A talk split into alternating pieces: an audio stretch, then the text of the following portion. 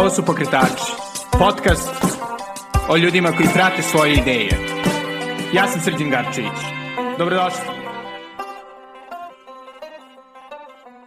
Ćao i dobrodošli u Pokretače. Današnji gost je Boban Boki Almažan, E, osnivač, to jest pokretač, jeli, e, Almažan Kitchen YouTube kanala, kao i njegov novi saradnik, e, šef e, Miloš Ristić, sa izrazitim i izuzetnim iskustvom e, šefovanju širom sveta od Kenije do Kanade, koji su pre otprilike malo duže od mesec dana pokrenuli e, sjajan novi koncept koji se zove Almažan Fireplaces, odnosno Almažan vatrišta, e, koji sam imao prilike da probam pre par dana. Sa njima sam pričao o njihovom novom konceptu koji nazivaju dinamično gastronomsko iskustvo, e, naravno o svim problemima e, gastronomije što u svetu, što u Srbiji, jeli, gastronomije i ugostiteljstva, e, o tome zašto ne treba da očekujete da će iskustvo da bude kao the menu, e, o tome kako biti kreativan i konačno naravno o raznim zaboravljenim jelima u Srbiji i raznim problemima sa srpskom ugostiteljskom scenom, kao naravno i načinu na koji ona može da se popravi sa malo kreativnosti i hrabrosti. Pre nego što čujete Bobana i Miloša, hteo bih da vas podsjetim da možete podržati pokretače preko Patreona na adresi patreon.com kosacrta Belgrade ili preko Paypala na adresi paypal.me kosacrta s Garcevic. Takođe bih vas zamolio da pratite uh, Almažan Fireplaces na Almazan Fire Places, odnosno Almazan Fireplaces, uh, kao i naravno uh, Bokija Almažana uh, na Almažan donja crta Kitchen i naravno uh, Miloša na Instagram adresi cheff donja crta Milos. Tako da, eto, ovaj, ovo je za mene bila izrazito draga epizoda. E, pogotovo zato što sam imao prilike da se uverim da je njihov koncept sjajan, naravno, ovaj, u sjajnom društvu moga dobroga prijatelja Pavla Marinkovića, koga ste slušali u jednoj od ranijih epizoda. Tako da, eto, ovaj, uživajte, e, bon appetit i ovo su Boban Boki Almažan i Miloš Ristić. Ovde smo u prirodi, e, nažalost ne kuvamo nešto i ovaj, nije, nije toliko rustiča atmosfera kao u normalnim ovaj, Almažan Kitchen ovaj, setinzima, ali je isto super zato što priliku da sa, sa Bobanom i Milošem pričamo o dinamičkom gastronomskom iskustvu, novom konceptu koje su lansirali, e, u vrlo piktoresnom Ležimiru, sada, za sada. Pa, ovaj, eto, i Bobane Miloše, ako biste možda hteli da, da objasnite šta je e, dinamično gastronomsko iskustvo. Pa, Miloš i ja smo prijatelji i pošto smo uh, potpuno uh, u raznorodnim konceptima i do sad funkcionisali, mi smo to naše prijateljstvo pretočili u jedan nov koncept, jer smo svako sa svojih strana video mane popularnih i post postojećih do sad uobičajenih koncepata, da kažem, slobodno u celom svetu. Znači, sve neke mane koje su nama smetale kao mušterima, kao klijentima restorana, mi smo pokušali da prepravimo i da smislimo jedan potpuno nov koncept koji će ne samo da bude praktičan i uživanje za nas koji, koji pripremamo hranu, nego i za ljude koje konzumiramo. Znači, mislim da sam siguran da u najskupljim restoranima, u najpopularnijim modernim konceptima ljudi misle da nisu dobili to što su želeli i odlaze često nezadovoljni, dobiju neki poluproizvod od, od uh, ugostiteljstva i mi smo to pokušali da promenimo. S jedne strane, s druge strane, hranu, koja je kod nas, kako sam malo času neformalno razgovoru rekao, meni su malte neko copy-paste u svim restoranima trenutno u Srbiji, a možemo da kažemo i šire u svetu, samo na njihov način. Znači, u svakom Karadžorđevu, svakom, u svakom restoranu ćete jesti Karadžorđevu s pomfritom, veggies, krompir, ješćete, i to zovu specialitetima, bela vešalica, crna vešalica, ovakva vešalica, onakva. Ništa novo se jednostavno ne dešava decenija. Možemo reći možda i vek skoro unazad. Je možda malo bilo drugačije u kafanama u Srbiji, ali danas je potpuno sve isto.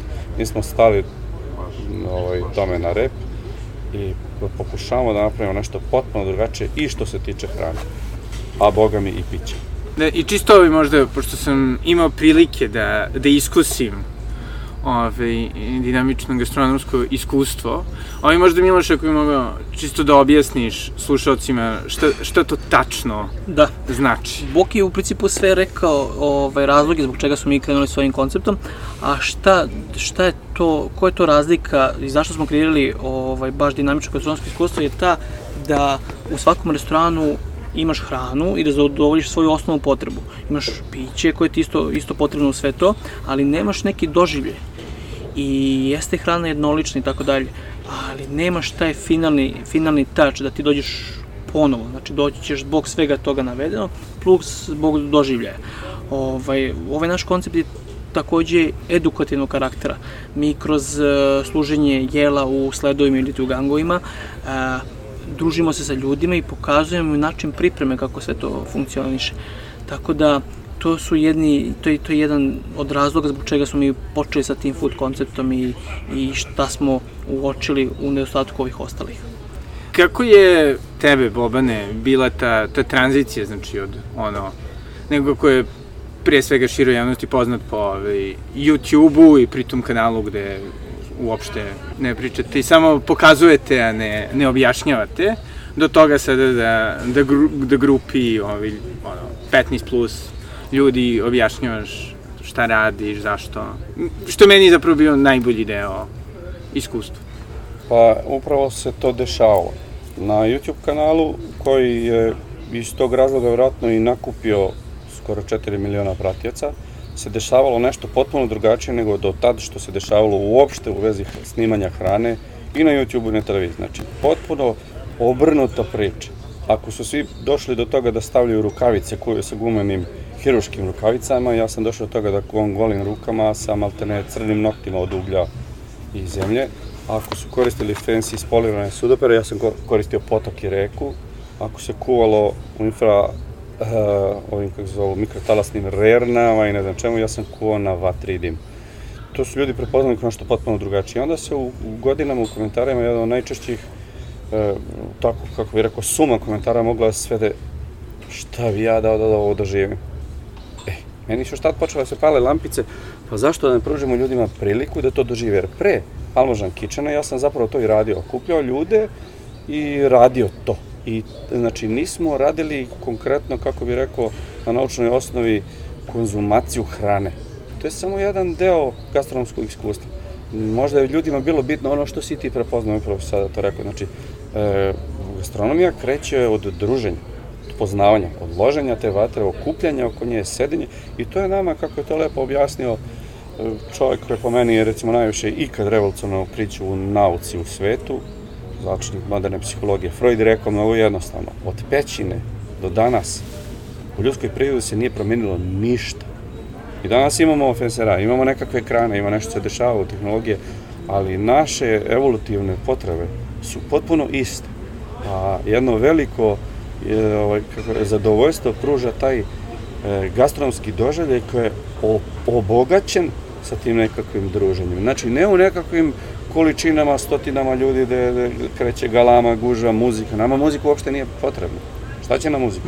Potrebno sam prič, druženje i mi čak e, neretko u toku večeri, ako si ti možda primete, ne znam da si baš upao u, tu, u taj deo mašine, čak i sami gosti zato smo nazvali dinamičko iskustvo. Oni bukvalno ustanu, dođu, gledaju u, u, u šerpu, gledaju u vok, gledaju na grill šta se dešava, čak im je dozvoljeno da učestvuju, da i oni pripremaju, da i oni nešto promešaju, da usitne, znači da skroz dožive tu pripremu hrane, pa ono konzumacija koja recimo sad smatrana kao osnova, ona tek dođe negde na kraj. A posle konzumacije takođe ne dobijaju šut kartu, nego ostanemo uveče i da pričamo i da se družimo i i jedno čekaju da se vrate po to isto, po još. Znači, da. ono što nam je jednostavno u genima, od pećine, kako je Fred rekao, ostalo u mozgu. Da, ali opet nekako moja, da kažem, gastronomska ranije iskustva, bilo da se radi ono običnom odlasku u kafanu, bilo da se radi ono često odlascima na, na vrlo duge i prilično nesrećne i roštilje koje smo i prijatelji tako organizovali, bili tinejdžeri pa do sada. E, do ono, ne znam, fancy gangova, šta god, je nekako da je izrazito teško napraviti nešto što nije usiljeno, da je zapravo zabavno, da čovjek zapravo ode sa nekim zadovoljstvom, što, ok, ja bih rekao da ste uradili, ne govorim samo zato što ste Jasne. vi preko puta mene. E, kako ste uopšte stvorili taj koncept, kako ste ga razvijali u startu? Evo, Kada je to krenulo? Mogu i ja ovo da ispričam tako da, evo, pre svega, ja i Boki smo se upoznali na Retnju. Ja sam radio u prestižnom hotelu Ramonda ovaj, kao šef kuhinje i tu je krenulo naše druženje. Um, zajednički interesi su nam bili šuma, priroda, a, kuvanje e, na, na vatri i tako dalje. Ja mislim da za svakog šefa, pa i za mene ne, je nepoznanica vatra i otvoren plamen. E, mi smo u školama učili e, raznorazne tehnike kuvanja, ali u školi ne postoji tehnika kuvanja na, na vatri, na, na, na, na plamenima, na, na mirnoj vatri i tako dalje. Tako da meni to delovalo interesantno i mi smo to naše druženje pretvorili u prijateljstvo i ja sam posle Ramonde se zaputio ka Kanadi. Tamo sam proveo dve godine, ali mi smo ostali u kontaktu, ja, ja i Boki, i noć smo pričali tako o hrani, znači bukvalno jedini interes koji imamo je hrana, šta se dešava u tom svetu i tako dalje. Na kontu svega toga smo došli do neke ideje da, da, da nam treba promena. Odnosno, prvo meni da, da ne bildujem, a šta to znači da, da ne ugošćavam stotine i stotine ljudi, nego sa malim brojem ljudi da pokažemo svoju, svoju kreaciju. Tako da iz svega ovog navedenog što smo malo pre ispričali, mi smo došli na ideju za, za ovaj novi food content, dinamično gastronomsko iskustvo ili DGI. Tako da su, to, eto, to, to je jedan od razloga zbog čega smo mi krenuli kako se to desilo. Ali kako je, da kažem, izgledao razvoj toga? Znači, ti si se vratio iz Kanade, što je, ali nije, Da. nije mala stvar. Da. ti si odlučio da, da, da zapravo svoj ono, YouTube, usmo rečeno, slavu ili u svakom slučaju reputaciju staviš na test ispred ljudi. Ovaj, kak, misliš što su ono veliki, veliki koraci? Pa jednostavno se, e, ovaj, smo i mi posegli za onim što nam više odgovara. Znači, mi smo želi da se prvo nas dvojica sami družimo i već u to, ako upadne još nekoliko ljudi sa strane, dobili smo taj koncept. Mi smo bukvalno ovaj, sa jedno cijelo zimovanje pravili tako telefon, svaki dan, ceo dan na telefonu, mogli bismo ovo, mogli bismo ono, da probamo i ovo, da li bi išlo sa ovim. I tako smo dolazili i oblikovali taj koncept a koji se suštini svodio na to da smanjimo količinu ljudi, kako vam rekao, da ne bildujemo, jer on ne može da se ostvari na velik broj ljudi. Ne može, jednostavno ne, ne možemo da držimo pažnju ako nas je 100 u sali. Da smanjimo maksimum da bismo i mi kao kreatori tog uh, koncepta, odnosno kreatori te hrane, da bismo i mi imali odrešene ruke da napravimo, znači da ne rade neki ponomoćni kuvanje, da u nekoj sakrivenoj kuhinji, nego da sve izvedemo sami, a to ne može za 100 ljudi, a da dobiješ to što želiš. Znači mi smo ipak želeli da hranu podignemo na mahu, maksimalno vrhunski nivo. Znači onda se oko toga trudimo da namirnice budu u tom smislu vrhunske, da, da sav koncept, svako jelo, bukvalno da bude takvo da ne postoji nigde, da ga niko pre toga nije poslužio, niti će. I to se dešava i to uspevamo. Za mali broj ljudi i evo nas konačno u jednom od prvih restorana gde ćemo probati taj koncept da širimo. Ja očekujem jednu bukvalnu infekciju, jer osjećam da smo stvorili stvar koja će, kao i sve u ostalom što sam radio u životu, brzo da dobija svoje, svoju kopiju od kopije, koja je kopija od kopije, ali treba u našem biti uvek prava. I dok mi već stasamo i razvijat ćemo ga dalje, na, na tom bukvalno na tom mnoštvu kopija ćemo videti greške koje treba, šta još treba da se napređuje, šta da se podiže i tako da. Da, da, da, li, da neko ovaj, vama pomenuo ovaj, skorešnji film The Menu kao Aha, gledao sam. nešto što ovaj, nije, nije taj koncept, ne? Ne, skroz drugačije od toga. Jeste za, za, za, za mali broj ljudi, ali nije, Ne kao, nije tako. kao film. Tako je, makar završetak, ja se nadam neće biti tako. Da, a recimo, mislim, taj film onako, ok, na prilično, jeli, ekstreman način, Da. Pokazuje određene boljke moderne, što ono, gastronomije i uopšte ugostiteljstva, ovaj, e, koji je ok, ja sam samo primetio kao čisti konzument, kao onaj lik e, koji je doveo ovu protagonistkinju Da, u da, film, nažalost, da. ja sam taj tip čoveka. Ove, ali, da li, mislim, bivši da si ti imao vrlo, uslovno rečeno, konvencionalnu i izrazito uspešnu, i imaš zapravo izrazito uspešnu ove, kulinarsku karijeru, jel istina, mislim, ono, taj neki, da kažem, razvojni put kuvara od nekoga ko, jeli tako hoće da se dokaže raznim ovim institucijama, na kraju do toga da kao čovek samo želi da radi nešto što, što želi za sebe. Pa da, jedan od razloga zbog čega sam ja krenuo u ovakvu priču zajedno sa Bokijem je taj da ne mora da, da radimo, da ne mora da radimo ono što ne volimo, nego da to prilagodimo i radimo ono što volimo. Tako da, kažem opet, to je jedan od da, razloga zbog čega... Šta je bilo to što nisi voleo? A, u principu, Kao gastronomija je stvarno specifična i nju mora da voliš da bi je radio. A, a, generalno, mogu da kažem, mogu da nabrojim par stvari koje, koje mi nisu dogadali. Znači, a, ti svojom pojom i radom od ono, 12 sati nisi spreman da daš svoj final touch, kreativu i tako dalje. Znači, kreativnost je nula u takim ovaj, konceptima, tako da to je jedan od razloga. E, drugi razlog je bio što si ukalupljen, mora da kupuješ namirnicu u velikim mega marketima, nemaš pravo igranja, pravo izbora i tako dalje, tako da to je jedan isto od razloga.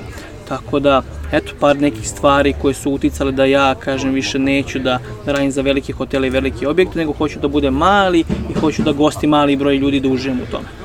Da, da. I baš jedna od stvari ove koja meni bila zanimljiva, to je, to je ovaj, kada je Boki krenuo da objašnjava kako zapravo je jedno od razloga zbog koga mi imamo dosta, da kažem, dosadnu kulinarsku scenu su te razne regulacije. Dobro, de, definitivno da. dosta tih regulacija stvarno mora se poštuje.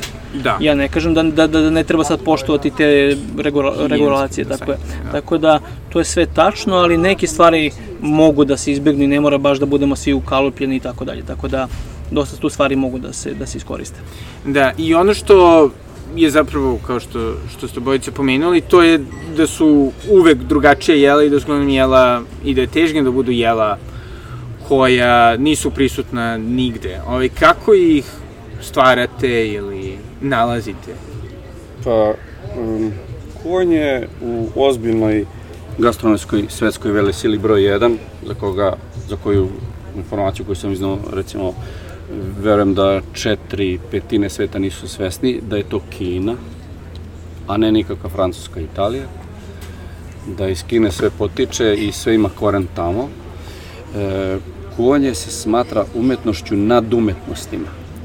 Kod nas se to za sad e, o tome priča i nekakvi evropski šefovi pokušavaju da se bave umetnošću na tanjiru, a to govorim kao profesionalno deformisani dakle, akademski slikar.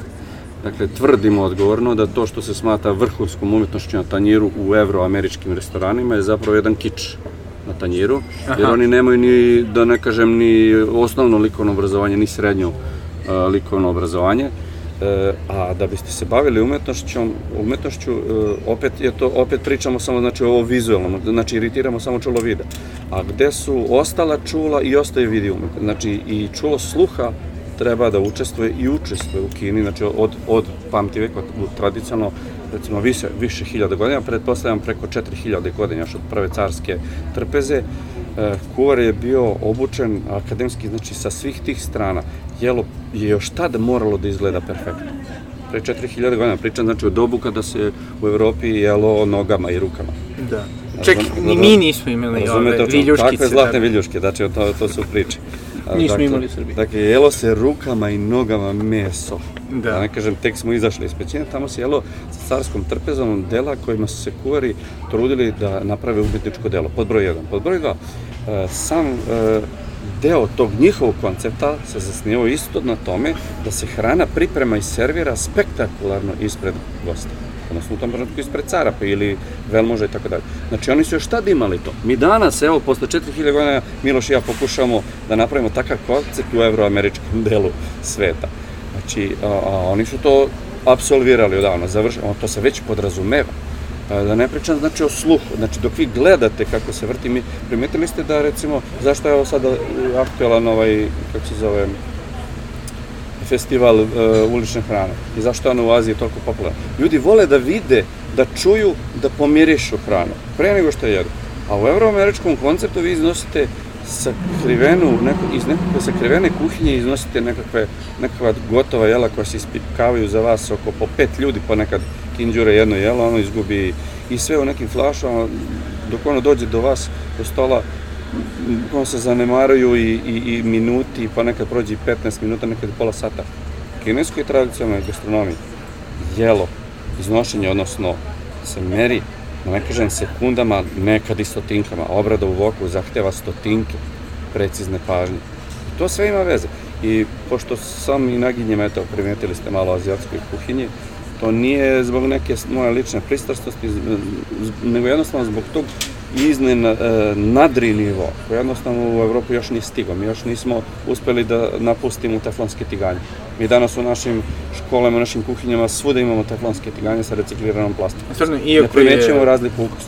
Da. On je nedozvoljen. Zapravo, da. On je nedozvoljen u, u, u azijatskoj kuhinji profesionalno. Mikrotalasna arena nije dozvoljena, ona se forsira u modernim kuhinjama. Praktično je za ovo, praktično je za ono. Jeste, ali nekim prefinjenim čulima ukusa možete osjetiti razliku. Vatra je broj 1, pa onda plinska vatra broj 2 i idemo dalje dok ne dođemo do mikrotalasa i indukcijanih ploča i tako dalje. Da, a ajde sada da nastavimo ovaj, sa temom Azije, to jest njihove kuhinje. Ovaj. Kako si ti došao u kontakt sa, sa njom?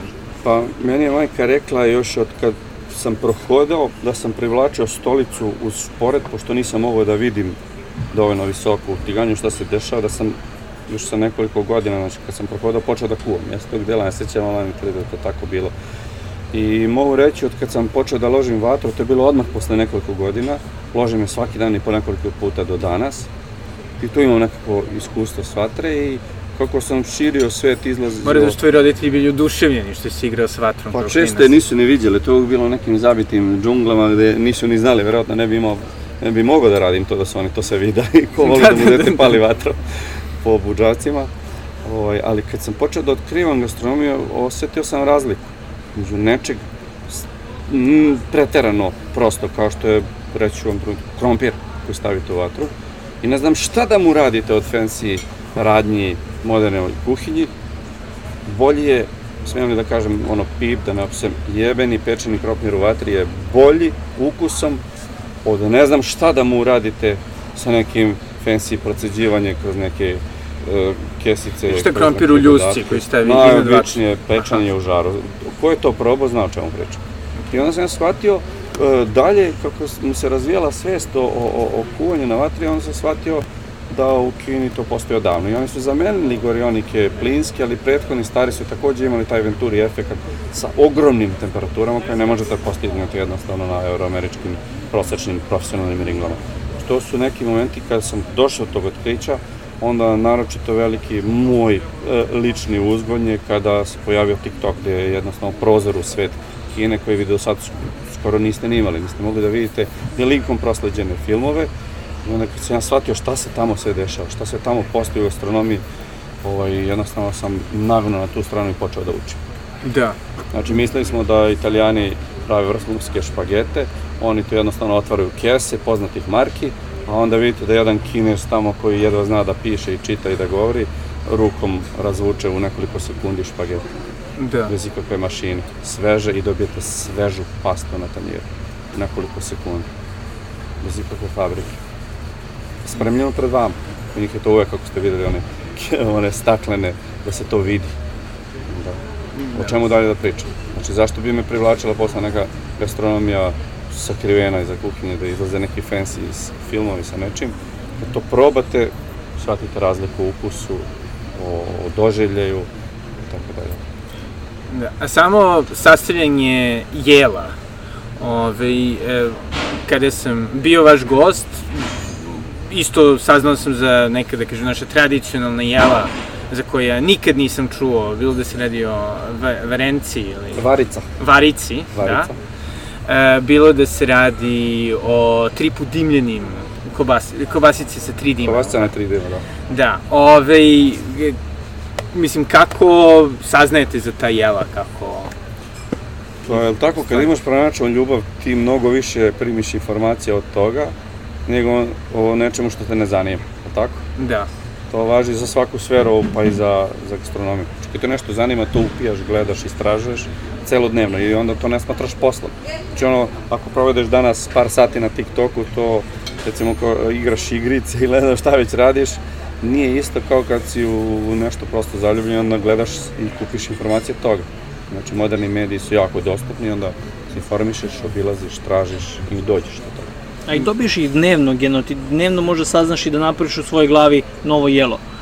Raznoraznim stvarima. Mi isto učimo, ja kad razmenjujem komunikaciju sa gostima koje ko, s kojima radimo, isto dobiješ neke informacije, neka jela zaboravljena ili neke namirnice koje koje su zaboravljene i tako dalje. Onda tih namirnica pokušaš nešto da napraviš. I stvarno, e, dosta ovih naših jela što smo sad da napravi dolaze, da ne kažem slučajno, kombinacijom tih ukusa i tako dalje. Tako da, 90% menija dolazi nam tako. Evo, na primjer, varence, možete da Varica. objasnite? Kako? Varica. Varica, okej, okay. na, naučit ću do, do kraja. Da. E, k, mislim, kako ste saznali za nju? Ili... Pa evo vidi, bukvalno, ja mislim da, da, da na dan kada si ti bio se desila jedna od tih otkrovenja. Znači ljudi koji dolaze kod naš, pošto je naš koncept takav da mi pričamo i razmanjujemo informacije.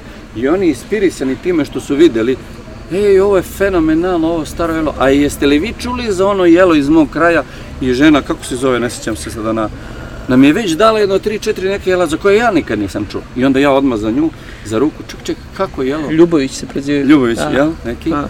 Jako fina žena. E, Dopala joj se naša pita, jel tako, ona je Da. svalila moju pitu razvučenu ručno testo. E, ja razlačim to ovako.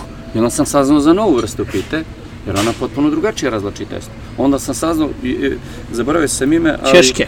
Ke- keške. Češke, češke. Češke. Ja sam, ja sam zapisao da ne bi ovaj, da, da, Zap- Zapisali smo i ispitali kako se pravi i onda smo saznali za još bar jedno tri, četiri nova jela od samo jedne, od jednog klijenta koji je bio kod nas, razmjerio iskustva i ona je dobila od nas neke nove priče, mi od nje i to će da se verovatno virusno širi. Da, evo na primjer, jedan od mojih prethodnih gosti u podcastu, ovaj, e, oni su razvili ceo biznis sa nadlama, ne znam, ako to je kao neko slovačko jelo zapravo. Nudle, nadle, da. Pa da, zapravo više su kao ovi neki, pa više kao neki dumpling suštinski, ali ovaj, ali eto, ali ono što je stvarno dosta zanimljivo u Srbiji, što uprkos činjenici da, da kao zemlja imamo razne kulinarske uticaje, čak i regionalno postoje vrlo ra, velike razlike u kuhinjama. Ovaj, na primjer, u Beogradu ne postoji, nemam pojma, istočno-srpski restoran ili vlaški restoran ili nemam pojma, mađarske hrane ili slovački, već je, kao što smo rekli, sve onako prilično Tako je. unificirano. Ove, koje su, da kažem, najbolje zaboravljena jela koje ste probali? Ili vama nekako sada Sada najbolje? ja? Šta biste sada? Ja sam shvatio da ovaj, Možda obojica po jednom. To je jelo prostije, ja recimo i, e, mislim da i ko svako ko se bavi ovim poslom, da iritira, odnosno maltene raspameću i oduševljava, kad je jelo maksimalno prosto. Što manje sastojaka, što prosti, kao što sam spomenuo malo pre, najobičniji krompir. Je, moje iskustvo, recimo u Hercegovini, oni hvale taj svoj nevesinski krompir, bio sam na nekoj e, proslavi, Tamo kropir ili krtola, pošto... oni kažu krtola, da. Da. Da bi bilo ljudima jasno o čemu pričam, krompir svi veći Da. auditorijum razume. Znači, ljudi su mi tvrdili da ću kada probam nevesinski krompir i u susednim kraju da zovu pole ili tako nešto, da ostavim jagnjetinu vruću, s koju znaju da obožavam, i da jedem taj krompir. Ja sam sam mislio šta li će sad urade s tim krompirom. Bukvalno ono što sam malo pre rekao. Samo presečena pola, ali je toliko kvalitetna namirnica da je to stvarno udarite u mali mozak kada zagrizeš to. I da li ste probali njihov kajmak iz mješine? Da. To je neki kajmak koji visi u jagnjećoj koži, slaže se dve godine, visi na strehi, dehidrira i on iz te jagnjeće kože primi nekakvu fermentaciju koju ne možete opisati.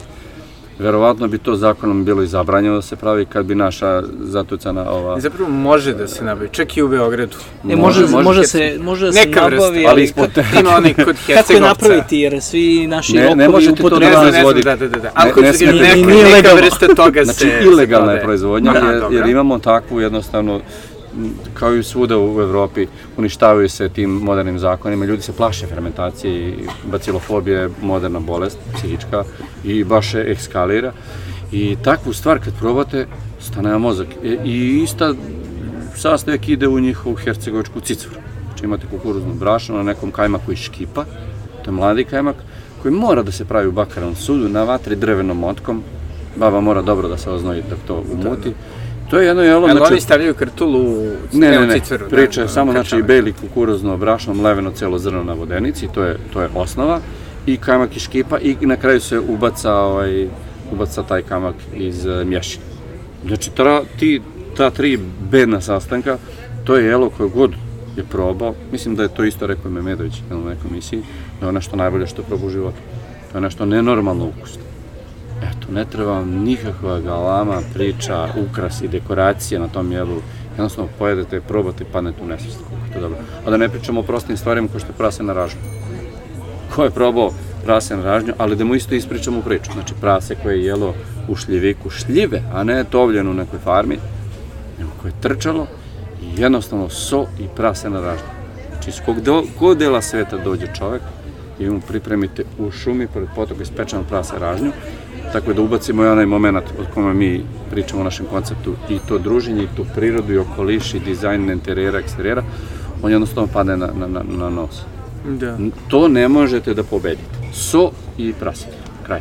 Apsolutno se slažem. Miloše, jesi ti saznao za neka...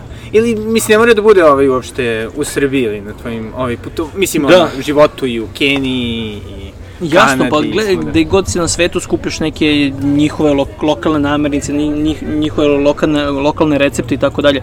Ovaj, ja isto koristim dosta lokalnih stvari ovde, ali iskreno pravim svoju kreaciju od svega toga.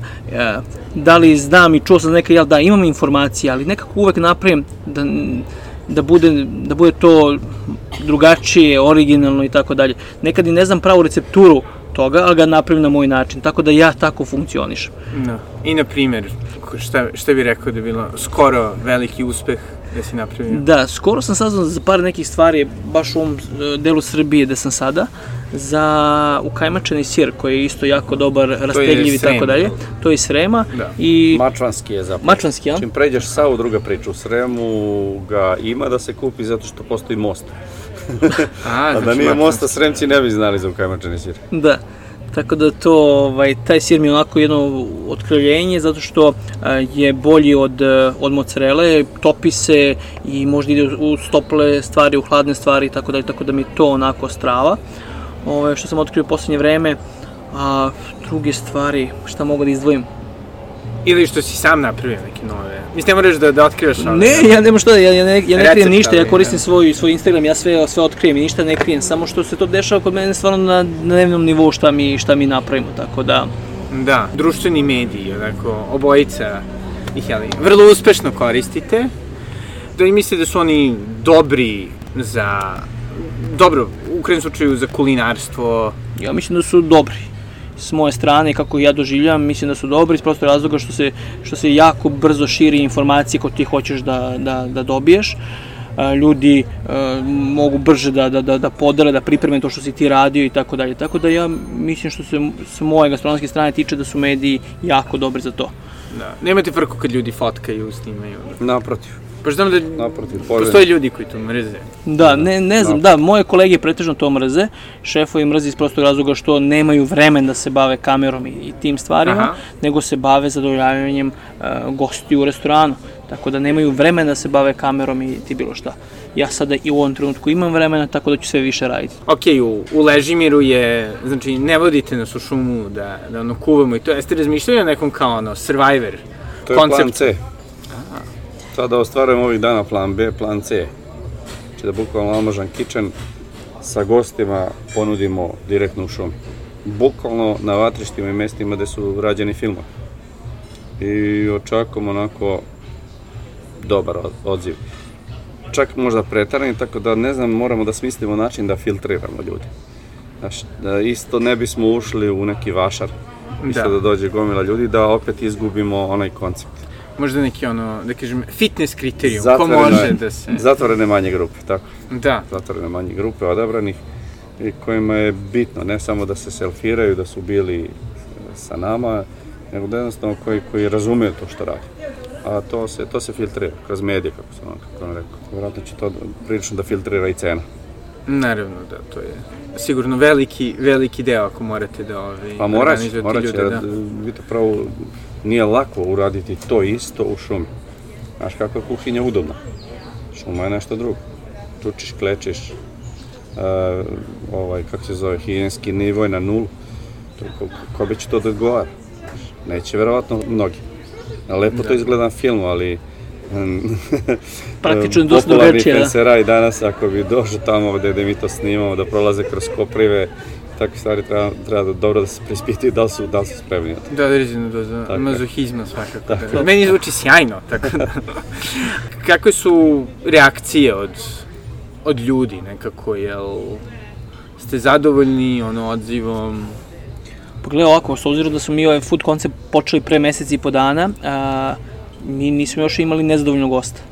Da li imamo nešto popravimo? Pa sigurno da ćemo imati, imamo. Hranu mora da dignemo još na veći nivo. A, piće, Naprimjer, to je možete prase uvek da... uvek da- na, da na, na, na zarolate. viši nivo, na drugačijim stvarima i tako dalje. Tako da definitivno uvek ima prostora za, za napretkom i, i generalno kažem još jedan put, mi nismo za sad imali nezadovoljnog gosta Da. da. je bio da mu se nije dopala hrana ili tako nešto. Na, a, ovaj, evo recimo, na primjer, ja sam imao sreću da, da dođem do vas potpuno neplanirano, zahvaljujući imam drugu, Pavlu, koga ovim prilikom pozdravljam, naravno. Ove, zato što je on taka osoba koja voli da ide na sve, voli da proba sve, tako vrlo je, da kažem, informisan, jel, koliko shvatam, niste preterano gurali sve ono kao marketing u medijima? Uopšte nema zatim potrebe. Ja uopšte nisam koristio Almažan Kitchen kao podlogu, jer mislim da sam koristio da bi ljudi dolazili autobusima. Onda Da. bismo bili u, u velikom problemu. Razumete? Znači, počeli smo sve od nule, zato i novo ime, zato i nov e, TikTok, novo, sve novo. I nama odgovara, kako je Miloš malo čas rekao, da budemo mali. Ne odgovara nam ovo da budemo u galami i gužvi. Tako da i Ležimička priča je e, prolazna priča, koja će vjerojatno vrlo brzo da doživi svoj vrhunac i da je zatvorena. Onda idemo na plan B pa plan C i u, dok se još nije desio ni plan B, mi razmišljamo o planu D i tako dalje. Je, još imam ideju, jednu ideju kad smo već kod toga, moram posle ti ispričam. Imaš novu, jel? Bukvalno od ujutro do uveče dobijemo novu, Da. koju razrađujemo i vjerojatno će se svoditi na to da sačuvamo sebe. Da sačuvamo svoje osnovne principe, to da budemo slobodni i da možemo zbog toga da budemo kreativni. Da nas ne uguši masa, posao, bildovanje, gužva, mediji i sve ostalo. Nema nas ni u novinama, nema nas u galamama, ovo, ovo, na ovo smo pristali, jer evo lepo, lepo časkamo, lepo smo se družili pre neki dan kad si bio u gostima. Da, da. Pa eto, pristali na to. Hvala, hvala Bogu, ovo nije pretredno slušano, tako da Pa, e, bukvalno, bukvalno nam ne treba reklama. Bukvalno. Da, Ljudi da. zovu, imamo posebnu osobu koja nam radi na logistici, koja prima mailove i poziv, znači od ujutro do uveče zvoni i jako je to teško upakovati, ispakovati u, u, u ono što mi radimo. Da. Ali, mislim, jedno od jeli, tema ovoga ga podcasta je, su jeli, baš ljudi koji tako prate nekako svoje ideje i koji su odlučili da rade stvari nekako na svoj način, što vi svakako radite. Ove, ali što je izrazito teško. Ove, mislim, ka, kakva je bila reakcija vaše okoline kao, fazonu, kao šta će vam to, zašto to, Pa komplikovano? uvek da, to, je- to je tačno. Uvijek ovaj, radite nešto novo, imate sa strane Ba, bož, to što je mi Miloš već da kaže, tako da nastavi. Da, ja u principu sam imao gomilu pitanja ovaj, i uvek se postavlja pitanje da radite mali broj ljudi, a gde je tu matematika? Svi gledaju taj finansijski deo, da li to možeš da, da, da, da po, potkri i tako dalje. Slažem se da je to jako bitno u, u ovom 21. veku, da je novac jako bitan, ali može, može i za mali broj ljudi. I ovaj naš food koncept je idealan za mala domaćinstva, za mala gazdinstva, za male za, za mala mesta gde, gde ne treba da se bilduje, da ne treba puno ljudi da prođe, nego samo ekskluziva. Manje restorani su maltene idealni za to. Restorani, da, i domaćinstva. Domaćinstvo. Domaćinstva su isto, isto zdrave jer mogu da proizvode svoju hranu i da je pripreme na drugačiji način. Ne treba im standard, ne treba im normativi, ne treba im procedura kako se to priprema. Nego pripremiš, budeš kreativan taj dan i pripremiš ga na svoj način. I ljudima će dopasti. Kako vam se ne dopadne ako danas uberete nešto i od toga nešto pripremite. Tako da samo treba tu malo ljubavi i malo, malo edukacije i, i dolazite do toga. Da. A mi planiramo, jedan od, od glavnih projekata će biti edukacija ljudi sa, i, da- i da implementiramo ovaj naš novi gastronomski pravac. Tako da, to je definitivno Da. možda sledeće na, na, na, na meniju. Što mislim da je izrazito bitno za, za Srbiju, jer mi se čini da onako baš bismo mogli Ste videli, više ste videli da posle korone koliko su se koliko se malih domaćinstva napravilo, kako, kako izgledaju ta domaćinstva, izgledaju strava, stvarno su dobri. A Jedino znate što gde su svi, svi isti što se tiče hrane. Svud je koje isti hrane, Trpe ja, ja ne znam da li, da li, da li par domaćinstva ima hranu, ima doručak. Da. I doručak, sad sam čuo da, da pravi čak i švedski sto pravi za doručak. Da. Ali Tako opet da kopiraju to... hotele i ne znam, Da, na primjer, evo baš um, pomenuli smo Rting na početku i ja sam bio izrazito razočaran kad sam bio ovaj, do Rtnja, šta je to bio, prošli decembar, Znači nekako to je jeli vrlo piktoresno selo, naravno posebna energija, ali e, na primjer tamo, iako je i dalje bila da kažem turistička sezona, prvo čovjek nije imao ništa lokalno da proba. Mislim ono nije bilo, mislim ono, doduše tada je bilo nešto posebno zatvoreno čak i, ali pomenuti hotel za, za goste, pa onda ni mogu čovjek ono ni tipa ono, šumadijski Da, da, čaj da popije. To je nova turistička destinacija A koja... kamoli, ali hoću da kažem kamoli ono da ne znam, pošto sticam okolnosti, znam, blizu je selo Krivi Vir koji ima tu Jeste. posebni krivovirski sir, Jeste. divan, ali na primjer eto, iako tu dolaze ljudi, Nema. čak su bili jeli oni turisti koji su tu sklonili od ove kraja sveta, da. ne možete ono da to kupite, probate, zezate se nego tipa one, video smo ovaj neku, neki Carbonara. zanimljiv- da, da, da, da, pa da, carbonara, čudi mi da nije bio ono, Baš tuna lepo rekao, dođeš steki, u da, Rtalj i jedeš karbonaru ili Jeste, tuna i na primjer po Crnoj Gori je to meni najveća boljka, jel, i bivši da sam blago patriote za, za taj deo isto. Da. Što ono, možeš pre da jedeš ono angus beef nego što možeš da jedeš ono Pa to što je Milo kajmak iz mješine, da. Mi u stvari ovim našim food konceptom po meni bi trebalo u sledeću ideju da uđemo, a to je obuka, odnosno kursevi našeg koncepta koji po meni ima potencijal da bukvalno Srbiju podigne na ozbiljnu lestvicu na gastronomskom polju u Evropi. Jer bi moglo da, po, da Jer potkrije mi sve smo što ste rekli. egzotika Evropi, je li tako? I Da, Mi smo Evropi egzotika koja ima Iz više razloga. A tu smo blizu, ne moraju da idu u Aziju. da. A totalna smo im egzotika, ali mi ne umemo da to svoje veliko, te sve potencijale ne vidimo ih. A ponudimo. zbog čega mislite da je to? Neki kao kompleks niže vrednosti? Pa možda zbog ne, ne, neažurnosti, ne, neangažovanja, zbog neideja, zbog uh, Mislim toga što- ja mislim trčkamo možda za svetom i umesto da bojažljivi trčkamo za smo. sobom, bojažljivi. I onda se, ajmo, ajmo na siguricu, ajmo Mhm. karbonar, razumeš? Znači dođemo da kopiramo iskopirane kopije. Znači, Da. jako, jako se ljudi, kreativnost je za hrabre, a nama fali. Ja poznajem generalno gastronomiju, kad sam počeo da radim, bukvalno sam u toj materiji dan danas, to je nekih 20 godina, e, kafana koja je otvorena e, bez ćevapa i bez Karadžorđe, bilo je uvek ubrzo i zatvorena, tako da Da. bez tog, Da. bez tog, u tom periodu, to je bilo možda do, do 2000 godina, ovaj, tak, tako je bilo. Sada to je se malo promenilo, Ovaj, sad, je, sad je, ako nemaš Cezar salatu, onda nemaš ni jednu salatu u meniju, tako da definitivno, što kaže Boki, dosta ko, radimo kopije. I samo kopije, kopije, kopije. Da li postoji neka druga salata u Srbiji sem Cezar salate, biftek salate, tuna salate i salate šefa? To su nam Da. četiri salate u svim restoranima. I ja stvarno, ja ne pljujem moje kolege. Imamo jako dobrih šefova, jako kreativnih šefova, ali ne vredi. Ali oni su u smo- mašini. Upali smo u mašinu i nikako ne možemo se iskobeljamo iz toga. Da. Tako da ja sam raspoložen za svaki vid saradnje, da, da se pomogne, da se, da, se, da se uradi bilo kakav drugačiji meni, da se prilagodi tom kraju. Da, ja sam za. Tako da, Da. A, Boki, ovaj, koliko misliš da je tvoje, da kažemo, ono, umetnički poziv nekako ti je pomogao da, da ono, budeš, da kažemo, ono, kreativan i u, i u drugim aspektima života, onako, i uslovničeno, hrabar.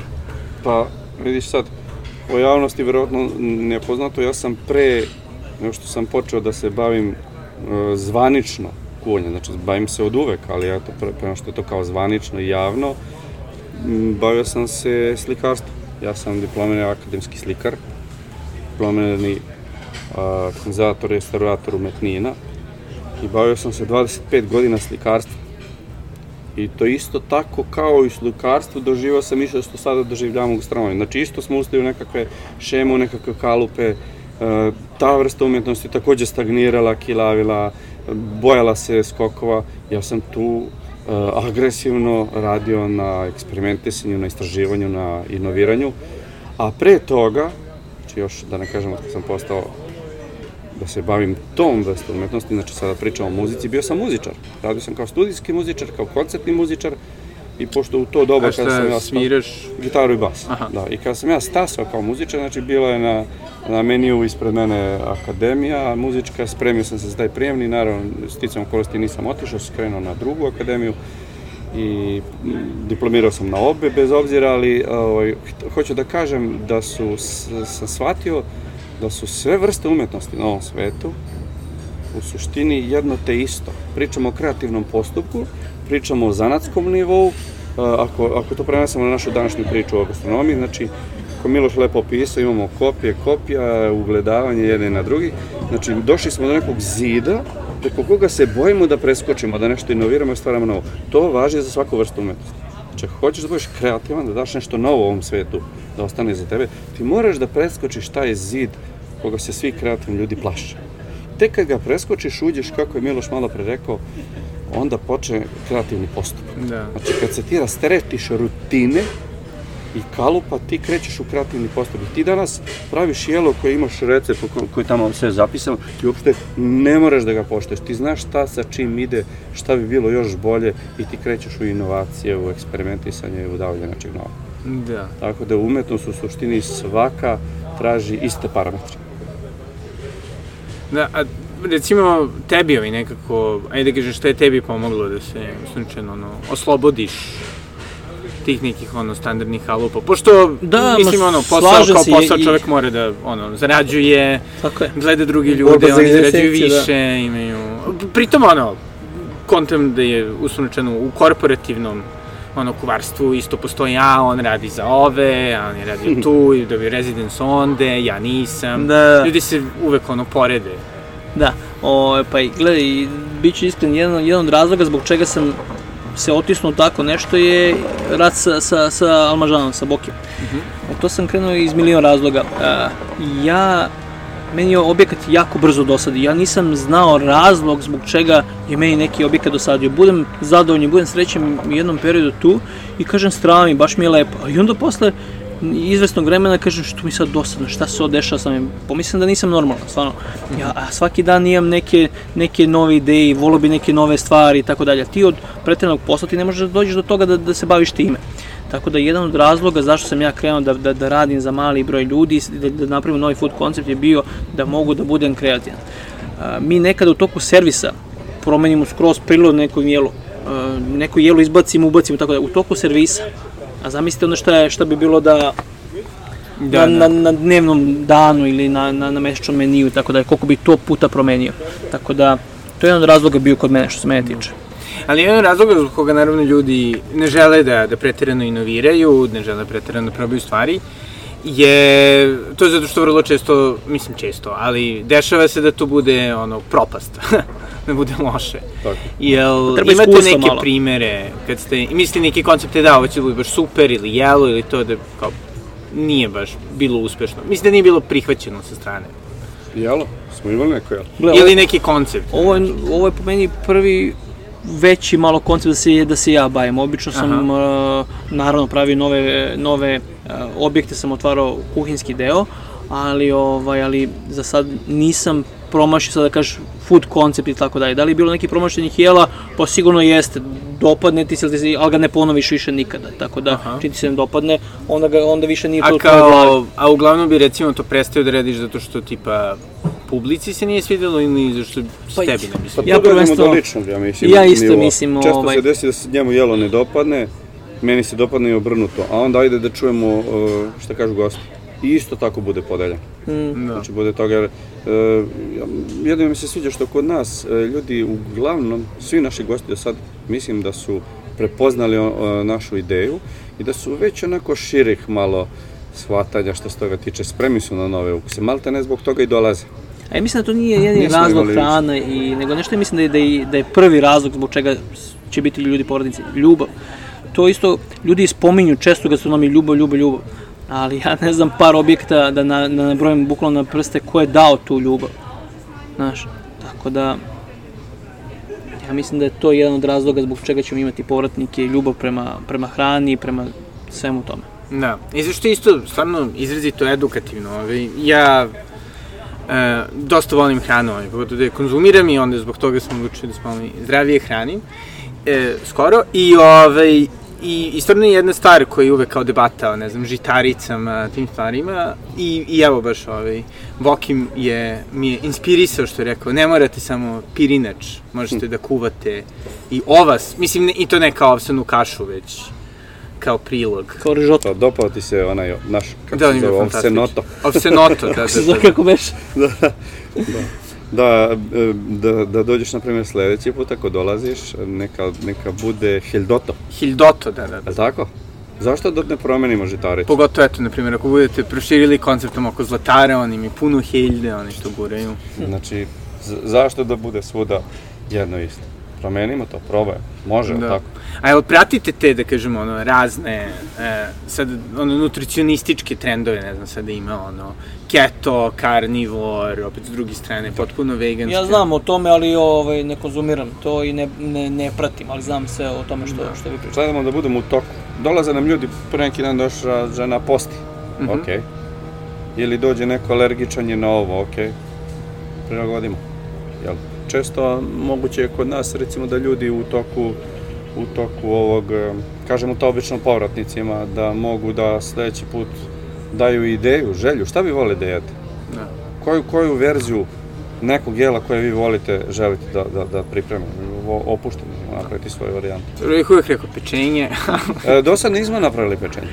e? Nismo imali pečenje, pečenje nismo imali ćevap. Da. Nismo, a imamo vatra nam gori non stop. I nikome nije falilo, je li tako? Pa dobro, da. Drugačije malo meni bio i... Čak zapravo sledeći gost, e, e, tako što je pre neki dan zakazao, e, rekao je, jel, jel može kod nas da se jede nešto osim mesa? Može. I odmah formio grupu i ja to očekujem sad za neki dan. Da, Ajde da vidimo kako ćemo da jedemo bez mesa.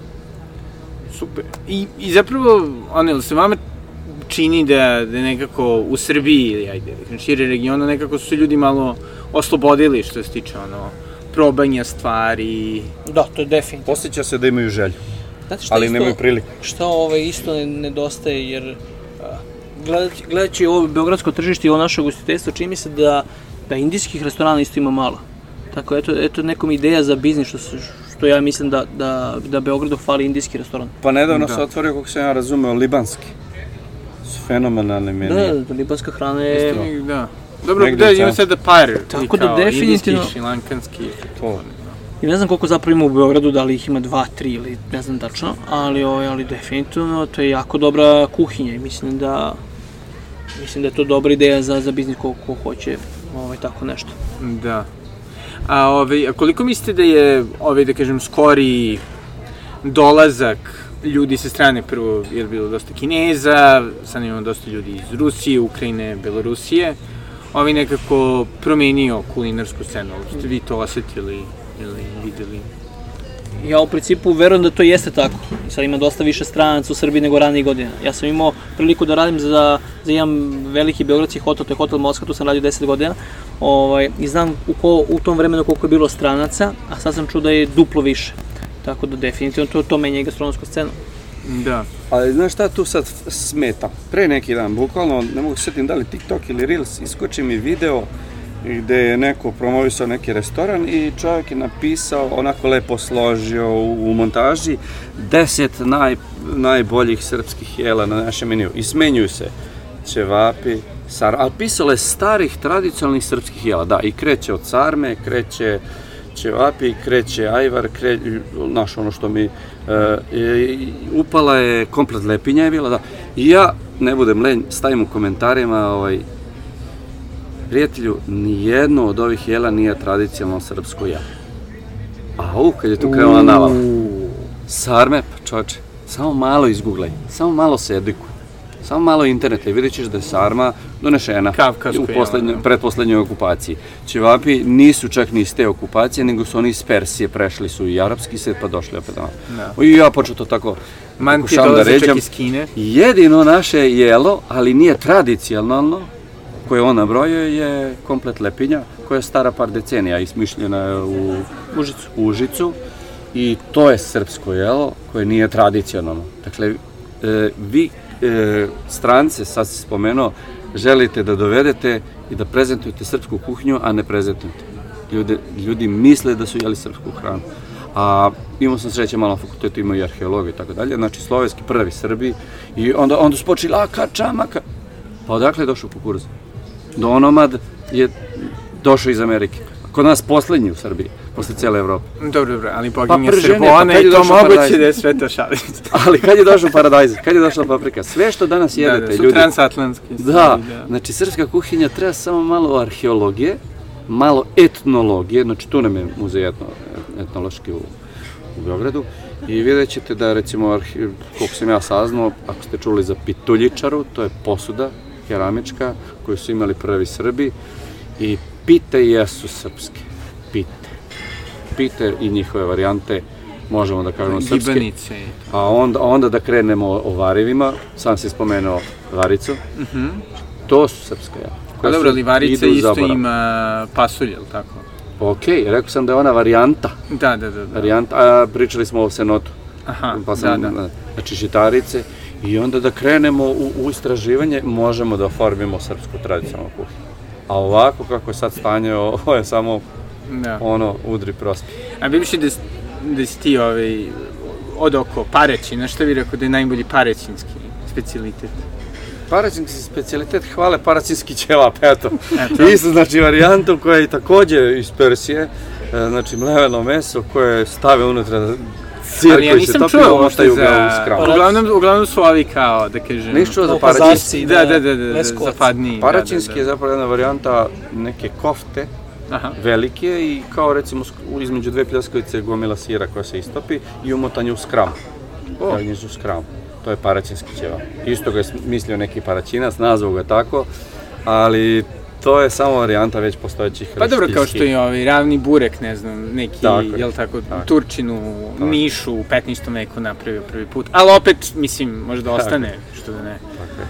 Da, I šta biste recimo ovaj, savjetovali nekome koga je ovo vrlo inspirisalo, izuzev naravno da dođe kod vas i da se upozna, što je apsolutno ovaj, savjetujem, ali ovaj, kako, da, kako da krene da, da probava svoj ovaj, koncept rada sa hranom? Pa prvenstveno da, da, da počne od toga šta želi. Drugo, da vidi šta je u tom okruženju. To je vrlo jednostavno da vidiš šta, je, šta ima u tvom okruženju da nabaviš, da nađeš. Sezonski. Tako da su te stvari ovaj, početne da, da bi nešto novo krenuo i uradio. Šta te još zanima, naravno, tvoje interesovanje je jako tu bitno. da se osluškuje svet oko sebe. Tako i naš koncept nas. Mi smo sve što nam je smetalo izbacili, sve što želimo ubacili i napravili koncept. Predlažem da to urade svi. Ne moraju da kopiraju naš koncept. Možda oni vide nešto što mi ne vidimo i obrnuto. Znači svako neko osluškuje oko sebe. To je, to je verovatno model. Ne, I evo, znači, ovaj, dobro, naravno, tu je Ležimir. Hoćete da najavite još nešto novo ili da ljudi prate šta se dešava? Pa mi u principu ovaj, radimo na dosta stvari. A, trenutno smo u Ležimiru i tu radimo naše gostovanje za mali broj ljudi. U Beogradu ćemo biti u jednom beogradskom restoranu. Planiramo se proširimo na jednu vinariju kasnije. I to bi bilo to što bi sad izdvojio. Dobro. Biće još gomila stvari, ja predlažem isto da se to zaprati, da se prati, tako da mislim da će to biti... e, bolja varijanta. Da, vrlo cool ovaj, što su vatrišta, nije vrlo ovaj, cool kako ste odlučili da, da tako nazovete. Pa u suštini imamo tri vatrišta. Kuvamo na tri vatre. To nam je Vog Orionik, roštiljnica i onda znači oko toga se sve vrti. Da. Palimo vatru svaki dan, Tako da. imamo dimilicu. Almažan vatrišta, pratite Da. i tako. I naravno, ovi, Miloš i Boki. Hvala vam puno, ovi, zaista. Ili ima još nešto što biste vi htjeli da dodate? Mislim da u principu sve, sve, sve, sve smo se dotakli. Pa da, mislim, ono, zvučalo bi kao motivacioni govor svih poznatih ljudi. Budite svoji, držite se, s- e, ovaj, da budete slobodni u životu, da biste bili kreativni. To ispunjava. Važnija je duhovna satisfakcija od one materijalne. Svi žurimo za materijalnom, a na kraju se ispostavi da je duhovna bitnija. Jer onda dajete svoj maksimum. Onda dođe i ova druga materijalna strana. To je, to je verovatno bolji način. Hvala puno. Hvala.